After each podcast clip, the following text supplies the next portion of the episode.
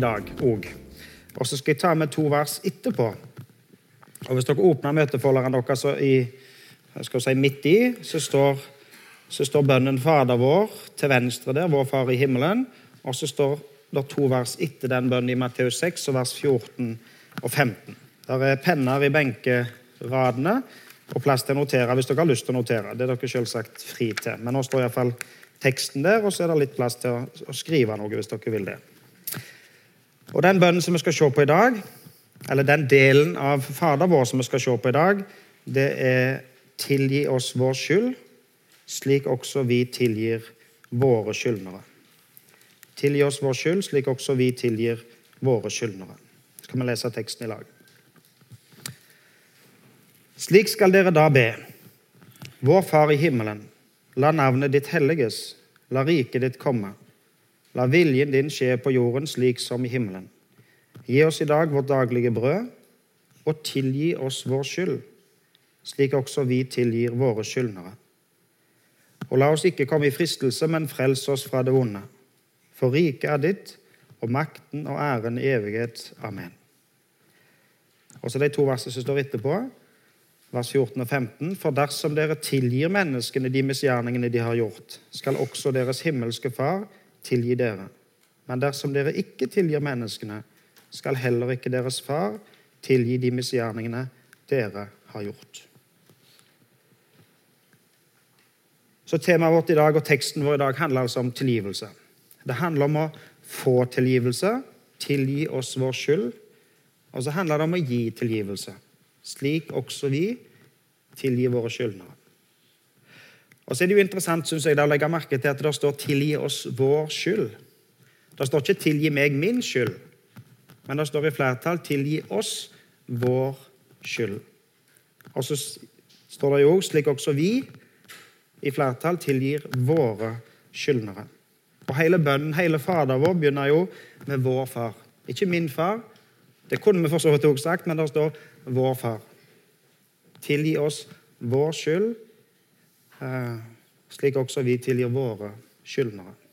Og så er det vi som, som fellesskap og som eh, på en måte høyre i lag, som kristne, som, som søsken og som familie, i lag med hele den store Guds familie som, som får lov å be, tilgi oss vår skyld. Og så er det interessant å, legge merke til, som dere da ser her, at eh, hvis dere ser på versinndelingen, så ser dere at det i vers 12 der står 'tilgi oss vår skyld'. Og Så kommer vers 13 inn imellom, men så kommer Jesus tilbake til det. Når han på en måte er ferdig med Fader vår, så kommer han tilbake til det i vers 14. Og så utdyper han eh, det som har med tilgivelse å gjøre. For dersom dere tilgir Dersom dere tilgir menneskene de misgjerningene de har gjort, skal også deres himmelske Far tilgi dere. Og så vers 15. Men dersom dere ikke tilgir menneskene, skal heller ikke deres far tilgi de misgjerningene dere har gjort. Så står det i sammenheng med Fader vår, så står det i sammenheng med bønn. Og så må vi spørre oss da, ja, men hva har tilgivelse, hva har dette temaet med bønn å gjøre? Hva forstår det midt i Fader vår? Vi har uh, i temaet vårt denne høsten sagt at det er den hjelpeløse som ber. Det er han som innser at han trenger hjelp, som ber som ber til den allmektige om hjelp. Og vi ber til vår Far i himmelen, Han som er hellige, Han som er allmektig, Han som har skapt alt, og Han som er kongenes konge, Han som har et evig rike, Han som kan alt. Og så ber vi til Han om at Han skal tilgi oss vår skyld. Altså i vår bønn til Han så innrømmer vi at vi har skyld. Tilgi oss vår skyld og vi innser vårt behov for tilgivelse, så ber vi Gud om tilgivelse. Har du synda mot Gud? Altså Det er jo den du har synda mot, den du har gjort noe galt imot, som du må be om tilgivelse. Du kan jo på en måte ikke gi tilgivelse på vegne av noen andre. Og Hvis du da f.eks. baktaler et annet menneske, eller hvis du gjør noe galt imot et annet menneske, har du da synda imot Gud? Vi skal ta en liten tur til Gamle Testamentet og til kong David. Og Kong David han begår utroskap og mord. Han begikk utroskap med, med Batseba. Og så sørger han for at mannen til Batseba, som heter Urias, ble, ble drepen i krig. Og I tillegg til, til, til dette så, så, prøver han på en utspekulerte måte å skjule alt og sørge for at ingen finner ut av det. Han, han, han sørger for at Urias blir drepen i krig, og så tar han Batseba til kona, og så, tror han at ingen, så tenker han at ingen skal ha lagt merke til det. Ingen skal ha sett, og ingen finner ut av det. Men da kommer vi til profeten til kong David. kommer profeten Nathan til kong David, og så forteller han en historie. Han forteller historien om en, om en fattig mann som hadde ett eneste lam. Og Dette lammet var voldsomt kjært for den mannen. Han behandla den som et barn, står der i sin familie, og det var det lammet denne fattige mannen hadde. Men så var det òg en rik mann der som hadde mange sauer og lam og, og, og, og buskap. Eh, og denne rike mannen han fikk besøk. Og Når den rike mannen fikk besøk, så må han jo sette fram mat og gi mat til denne mannen. Men i plassen for at den rike tok ifra sin store budskap, så går han til den fattige mannen og tar ifra han det eneste lam han har. Og så bruker han det til å lage mat og servere til besøket sitt. Og David blir rasende. Kong David blir rasende over denne urettferdigheten og krever at denne mannen, som er så grusom og som gjorde sånn, denne mannen skal dø. Han må dø. Og så er det profeten sier til David, 'Du er den mannen. Du er mannen, sier profeten. Og så kommer syndsbekjennelsen hos David. Og så innser han at han klarte ikke å skjule. Og så sier David, 'Jeg har syndet mot Herren'. Jeg har synda mot Gud. Vi skjønner jo det at David hadde synda imot Urias. Han hadde til og med fått han drepen. Han hadde synda imot Batseba. Han hadde begått utroskap med henne. Men så sier og så bekjenner kongen og sier 'Jeg har synda mot Gud'. Jeg har synda mot Herren. Og David han forteller selv om sin syndsbekjennelse i Salme 51. Eh, og Hvis du tar notater, og hvis du har lyst til å ta notater, så har jeg lyst til at du skal notere deg 2. Samuel 12. Eh, for i 2. Samuel 12 står denne historien om kong David og om profeten som kommer til ham. Og Så kan du godt notere deg Salme 51 og Salme 32. Og Så skal vi innom disse her, men det blir ganske kort eh, ifra meg. Men når du kommer hjem og har bedre tid, så kan du ta alle disse tekstene sammen og se på dem. 2. Samuel 12 og Salme 51 og Salme 32.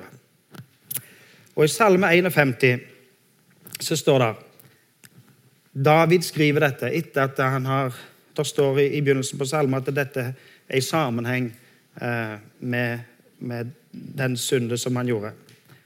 Eh, så står det fra vers 5.: For mine lovbrudd kjenner jeg. Min synd står alltid for meg. Mot deg alene har jeg syndet. Det som er ondt i dine øyne har jeg gjort. Altså når David skriver sin syndsbekjennelse, så skriver David til Gud, så ber David til Gud, og så sier han, 'Mot deg alene har jeg syndet'. Hvis vi hopper innom Salme 32, så skriver David om hvordan eh, hvordan han hadde det, og hvordan han opplevde det før han bekjente sine synder. Og Der står det fra vers 3.: Så lenge jeg tidde, ble mine knokler, knokler terret bort mens jeg stønnet hele dagen. For dag og natt lå din hånd tungt på meg. Min livs saft svant som i sommerens hete. Da bekjente jeg min synd for deg og skjulte ikke min skyld. Jeg sa, jeg vil bekjenne mine lovbrudd for Herren, og du tok bort min syndeskyld. Det er vondt å bære på uoppgjorte ting. Det er vondt å bære på uoppgjorte synder. Det er vondt å prøve å skjule. Og så sier David her så lenge jeg tidde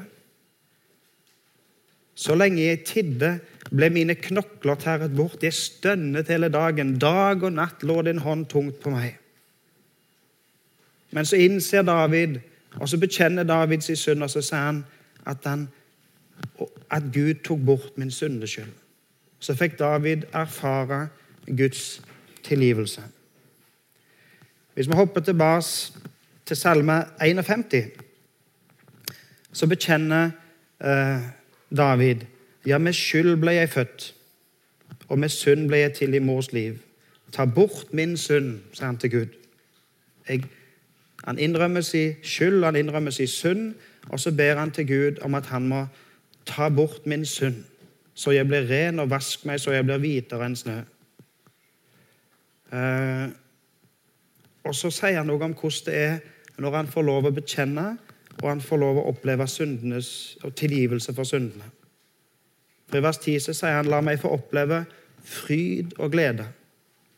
La lemmene du knuste, få juble. Skjul ditt ansikt for mine synder og utslett all min skyld. Gud, skap i meg et rent hjerte og gi meg en ny og stødig ånd. Driv meg ikke bort fra ditt ansikt og ta ikke fra meg Den hellige ånd. Gi meg igjen gleden over din frelse. Hold meg oppe med en villig ånd. Hva skjer når du får tilgivelse for syndene dine? Jo, du opplever fryd og glede. Du opplever gleden over frelsen. Vår Far i himmel, den allmektige, han som har all makt i himmel og på jord, han kan alt. Ingenting er umulig for han, og han kan tilgi dine synder. Han har makt til å tilgi dine synder. Og Jesus sier det sjøl i historien om den lamme mann. Når de ber en lam mann til han som, eh, som var lam, står det her da, og som lå på en båre, i Matteus 9. Og så står det videre da Jesus så deres tro, sa han til den lamme. Vær frimodig, sønn. Syndene dine er tilgitt. Noen av de skriftlærde sa da med seg selv, denne mannen spotter Gud. Men Jesus så hva de tenkte, og han sa, hvorfor går dere med onde tanker i deres hjerte? Hva er lettest å si, syndene dine er tilgitt, eller stå opp og gå? Men for at dere skal vite at menneskesønnen har makt på jorden til å tilgi synder. Og nå vender han seg til den lamme. Stå opp, ta båren din og gå hjem. Og mannen reiste seg og gikk hjem. Hvorfor i all verden gjorde Jesus det på denne måten? Altså Her kommer de til Jesus med en, med en mann som ikke kan gå. En mann som de må bære på ei båre. De må til og med lage hull i taket for å få han ned framfor Jesus, for det var så mye folk. Det er jo egentlig innlysende hva disse vil. Og det er innlysende hva mannen sjøl vil, og hva mannen sjøl trenger. Han trenger jo å bli frisk, han trenger jo å gå. Denne mannen ber ikke om tilgivelse. Men Jesus kjenner hva som er denne mannen sitt djupeste behov. Denne mannens djupeste behov er tilgivelse, selv om han ikke ber om det. Og Det er grunn underlig å se at i denne historien er det ingen bekjennelse, ingen omvendelse, ingen bønn til Gud om tilgivelse for synd. Men Jesus tilgir synd likevel. Det står en litt underlig ting i vers 2. Det står da Jesus så deres tro. Altså ikke den lamme mannen sin tro, men de som bar den lamme mannen sin tro. Og så har jeg tenkt å grunne på det, den setningen da Jesus så deres tro. Og så tror jeg ikke vi skal skape enormt mye teologi ut av det, men jeg har lyst til å prøve å gi dere en bitte liten analogi. Tenk at det er søndag formiddag i Vera bedehus. Det er ganske fullt med folk. Eh, det er til og med gående folk opp på galleriet, for de fikk ikke plass nede. Og etter den første sangen er begynt, så åpnes dørene der bak seg. Og inn i salen kommer det to unge foreldre med en liten gutt. Og så er vi så forvetne at vi reiser oss opp ikke sant? og så strekker vi på hovene våre for å se hvem som kommer inn disse dørene. Og så stopper de ikke helt der bak, men de går helt fram til fremste benk. Og gutten sier ingenting. Gutten kan ikke formidle hva han vil. Gutten kan ikke si hvorfor han kom her i bedehuset i dag. Det er i grunnen ingen bekjennelse hos gutten. Men foreldrene vil, og foreldrene vet hva de vil. For foreldrene vil bære denne gutten fram til Jesus. Og Så kommer foreldrene fram med gutten, ber han fram til Jesus og sier, 'Her er han.' Nå, Jesus, nå må du ta deg av han. Du kjenner gutten vår sitt djupeste behov. Hva sier Jesus da? da? Sier nei, ikke nå, det passer litt dårlig, jeg har det litt travelt. Det er så mye voksne folk her som er ganske viktige, som jeg må snakke litt med i dag. Sånn som disiplene gjorde når de prøvde å jage disse mødrene vekk når de kom til Jesus med ungene sine. Nei, Jesus sier jo ikke det.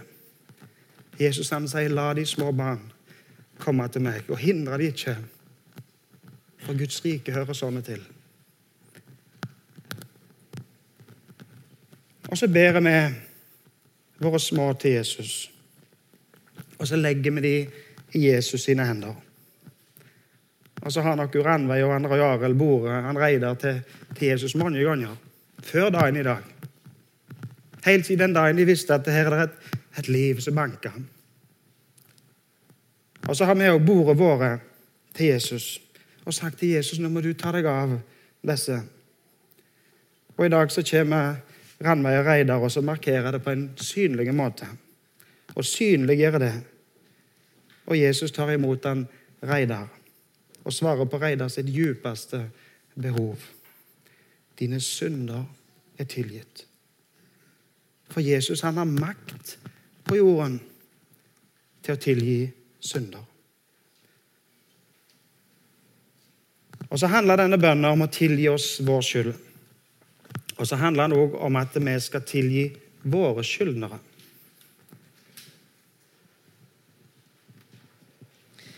Atter sier jeg dykk, alt det to av dykk på jorda vært samlet om å be om, skal det få av Far min i himmelen.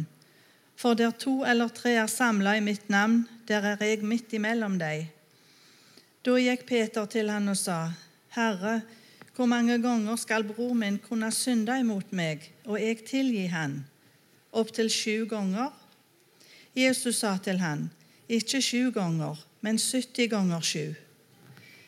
Derfor er himmelriket å likne med en konge som ville gjøre opp regneskapen med tjenerne sine. Da han tok til med oppgjøret, ble en som skulle ha 10 000 talenter, ført framfor han. Men da han ikke hadde noe å betale med, bød herren hans at han skulle selges, han og kona hans og borna og alt han åtte, så gjelda kunne betales. Tjeneren kasta seg da ned for han og sa:" ha tål med meg, så skal jeg betale deg alt sammen. Herren hadde da inderlig medynk med denne tjeneren. Han satte han fri, og ettergav han gjelda. Men da tjeneren kom ut, møtte han en av medtjenerne sine, som skulle han hundre denarer. Han greip fatt i han, tok strupetak på han og sa, Betal det du skulder. Medtjeneren falt ned for han, ba han og sa, Ha tål med meg, så skal jeg betale deg men han ville ikke. Han gikk tvert imot av stad og fikk kaste han i fengsel, der han skulle sitte til han hadde betalt det han skulle. Men da medtjenerne hans så det som hendte, ble de svært sorgfulle, og de gikk og fortalte Herren sin alt som hadde hendt. Da kalte Herren han for seg og sa til han, Du vonde tjener, hele gjelda di ettergav jeg deg, av de du ba meg om det. Skulle du ikke du òg ha medkjensle for medtjeneren din, slik jeg synte deg medkjensle? Og Herren hans vart harm og gav han over til de som piner, til dess han betalte alt han skulle. Såleis skal òg Far min i himmelen gjøre med dykk, om ikke hver en av hjerta tilgir bror sin. Jesus forteller denne historien som et eksempel på hvor mye gjeld vi har fått ettergitt hvor mye synd vi har fått tilgitt, og hvor lite villige vi er til å tilgi andre.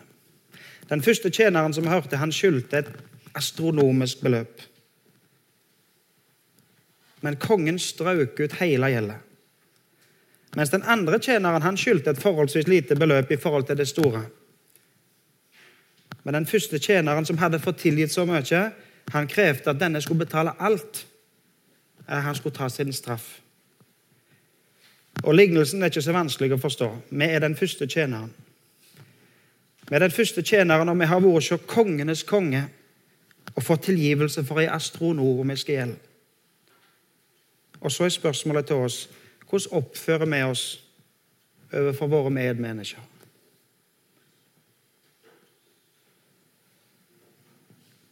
Det er ikke så lett for oss å tilgi urett som er begått imot oss.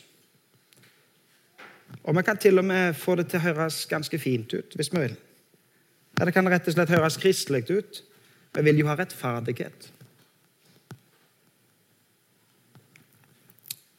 Men hva er det som er denne verdens største problem? Hva er det største problemet i denne verden? Det største problemet i denne verden er synd.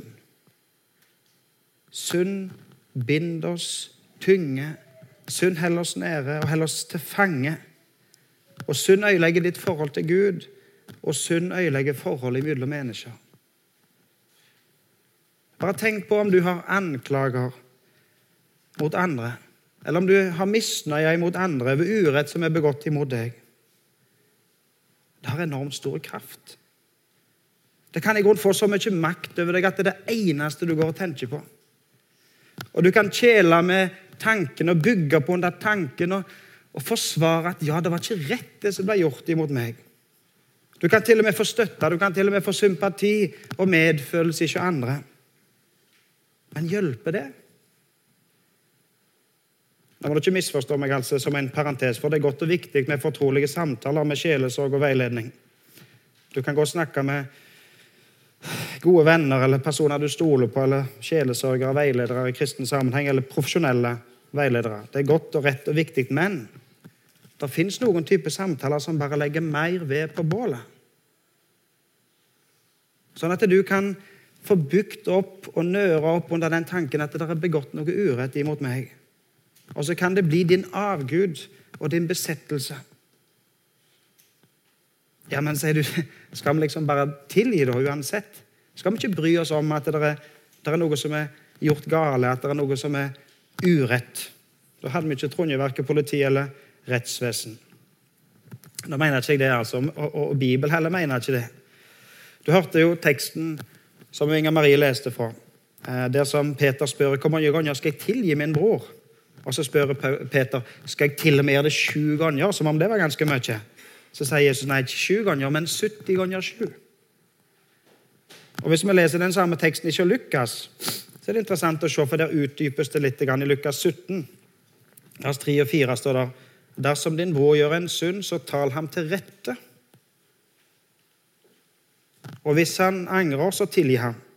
Ja, om han synder mot deg sju ganger på samme dag, og sju ganger kommer til deg og sier 'jeg angrer', så skal du tilgi ham. Altså, dersom din bror gjør en synd, så tal ham til rette. Selvsagt skal vi få lov å si ifra. Vi skal ikke bare la ting gå stilt forbi og akseptere alt. Men fokus i teksten, hva er det? da? Fokus i teksten er at du skal tilgi. Og Her står det til med at om han kommer sju ganger samme dagen, så skal du tilgi. Det er en interessant setning i den fortellingen som vi hørte Inger Marie lese. Det står i vers 27, Matteus 18, 27, så står det Da fikk Herren inderlig medfølelse med denne tjeneren, slapp ham fri og etterga ham gjelden. Herren fikk inderlig medfølelse med denne tjeneren. Og Her tror jeg egentlig det ligger en liten nøkkel til hvordan kan vi eh, tilgi eh, skyld som er gjort imot oss?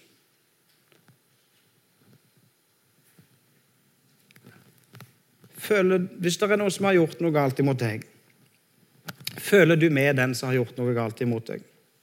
Klarer du å identifisere deg med, med vedkommende? Fordi at, Tenk på det, da. Den som har gjort noe galt imot deg, han er i grunnen fanga under synd på samme måte som du. Du som sier, og du som bekjenner til Gud, tilgi oss vår skyld.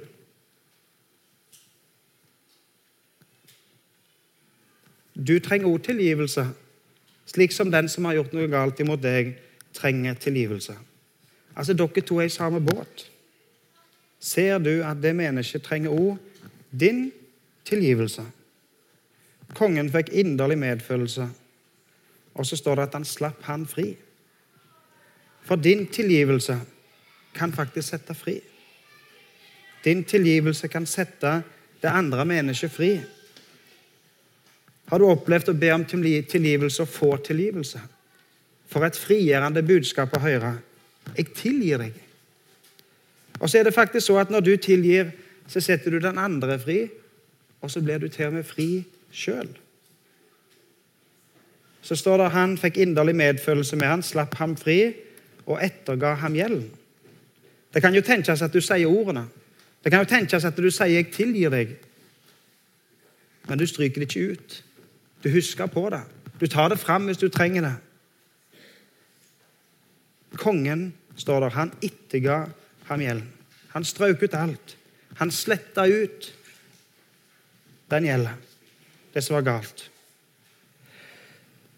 Det var ei jente under andre verdenskrig som, eh, som heter Corrie ten Boom. Jeg vet ikke om det er sånn det uttales. Hun var fra Holland, men uh, hun i alle fall i, i, lag med sin familie hun gjemte jøder i, sitt, i sin him. Eh, og så oppdagte tyskerne at de, de, opp, de, de gjemte jøder. Eh, og Så ble familien arrestert, og så ble familien sendt i konsentrasjonsleir. Corrie ten Boom og søstera hennes, som heter Betzy, ble sendt til en leir som heter Ravensbrück. Og Corrie overlevde, men ikke Betzy. Og Corrie ten Boom ble evangelist. Verdenskjent, egentlig. Um, og I 1947 så ble hun invitert til Tyskland for å tale på et møte. Til München. Uh, og På møtet i München så talte Corrie om tilgivelse. Hun talte om at Gud kasta syndene i, i, i det djupeste havet. Han ser de aldri mer igjen. Og Etter at Corrie hadde talt og møtet er slutt, så kommer det en mann fram. Og Så sier Corrie til en bom jeg kjente han igjen. Han var en av vaktene i Ravensbrück. Ja, det var faktisk han som sto vakt inn i dusjrommet, som de kalte det. Og så kom alle tankene tilbake. Så kom alle hendelsene tilbake. Alt det grusomme. Og jeg så Betzy føre meg, som avkledd gikk forbi vaktene inn i rommet. Og denne vakten som hånte og spotta på de magre og avkledde fangene. Nå står han der, og så sa han det var en fin tale, Fraulein. Tenk at mine synder er tilgitt, sånn som du sa. Du nevnte Ravensbukk i talen din. Jeg var fangevokter der. Og Så strekker han fram hånden sin og så sier han, 'Kan du tilgi meg?' Og Så står mannen der med hånda rekte fram. Og Corrie ten Boom fortalte at jeg klarte ikke å rekke fram i. Og så måtte jeg be til Jesus om hjelp. Kan du, Jesus, hjelpe meg å tilgi denne mannen? Og Så forteller hun at hun rekte fram hånda, nesten i en slags mekaniske bevegelse og Stive tok hun tak i mannens hånd. Og Idet hun fikk tak i mannens hånd, sier hun, så kjente jeg en varme fra skuldra ut i hånda. Og så kjente jeg at eh, i hjertet fikk jeg en kjærlighet til denne mannen. Og så fikk jeg kraft til å si, 'Jeg tilgir deg av hele mitt hjerte'.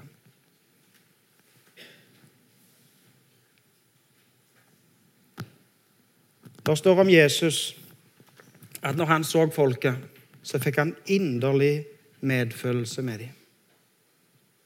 Han fikk inderlig medfølelse med dem. Han så at folket trong tilgivelse. Han så folket sitt djupeste behov. Og på korset så strekker han ut armene sine, og så sier han til deg nå er du fri. Du er fri. Syndene dine som gikk deg imot, tok Jesus på seg, og så betalte han alt. Og gjelda er betalt. Jesus har inderlig medfølelse med deg. Jesus han vil sette deg fri. Og Jesus han har ettergitt, ettergitt deg hele gjeldet. Hva har dette med bønn å gjøre? Hvorfor nevner vi dette i sammenheng med bønn? Det står i Bibelen at når dere står og ber, og har noe anklage en annen for, så tilgi ham, for at deres Far i himmelen kan tilgi dere misgjerningene deres. Når dere ber. Og hvis du har noe å anklage en annen for, så tilgi ham. Tilgivelse har stor kraft. Tilgivelse har kraft til å sette deg fri, og tilgivelse har kraft til å sette andre fri. Og så ber vi til Gud, tilgi oss vår skyld slik også vi tilgir våre skyldnere. Nå skal jeg gjøre sånn som jeg har gjort noen ganger, at jeg skal be en korte bønn. Når jeg har bedt en korte bønn, så skal jeg la det være stilt en liten stund. Og så kan hver en få lov å be eh, der du sitter. Og du kan jo godt be for dåpsbarn og familiene, eller eh, utsendingene våre, eller andre bønneemner som står på folderen, eller du kan be det som ligger eh, på ditt hjerte. Og så skal vi be Fader vår til slutt. Eh, og etterpå så går vi over i en lovsangsdel, og da, er det, da går det an å gå til forbønn hvis du ønsker det, eller ned til bønnestasjonen der bak og skrive bønneemner. Og så har jeg i grunnen lyst til å gi deg én utfordring i dag. Hvis du kjenner på at du trenger å be om Guds hjelp Hvis du kjenner på at du trenger Guds hjelp til å rekke fram den hånda til noen som du trenger å tilgi Kan hende du har noe helt konkret i tanken, og så trenger du Guds hjelp. Eller kan hende du sjøl trenger tilgivelse for noe som du tenker på. Jeg tror det hadde vært klokt av deg å gå til forbønn i dag. Du kan nevne det du tenker på, eller du kan ganske enkelt si 'be for meg'. Det er iallfall tilbud, og de som sitter der, eh, sitter der for de har lyst til å be for deg og med deg. De har selvsagt taushetsplikt, og, og, og det er ja, en god plass å gå. Jeg har lyst til å invitere dere til det. Skal vi be? Kjære Jesus, takk for ordene dine til oss. Takk for at du har makt til å tilgi synder. Kjære Jesus, må du gi oss din kjærlighet, så at vi òg kan tilgi våre skyldnere.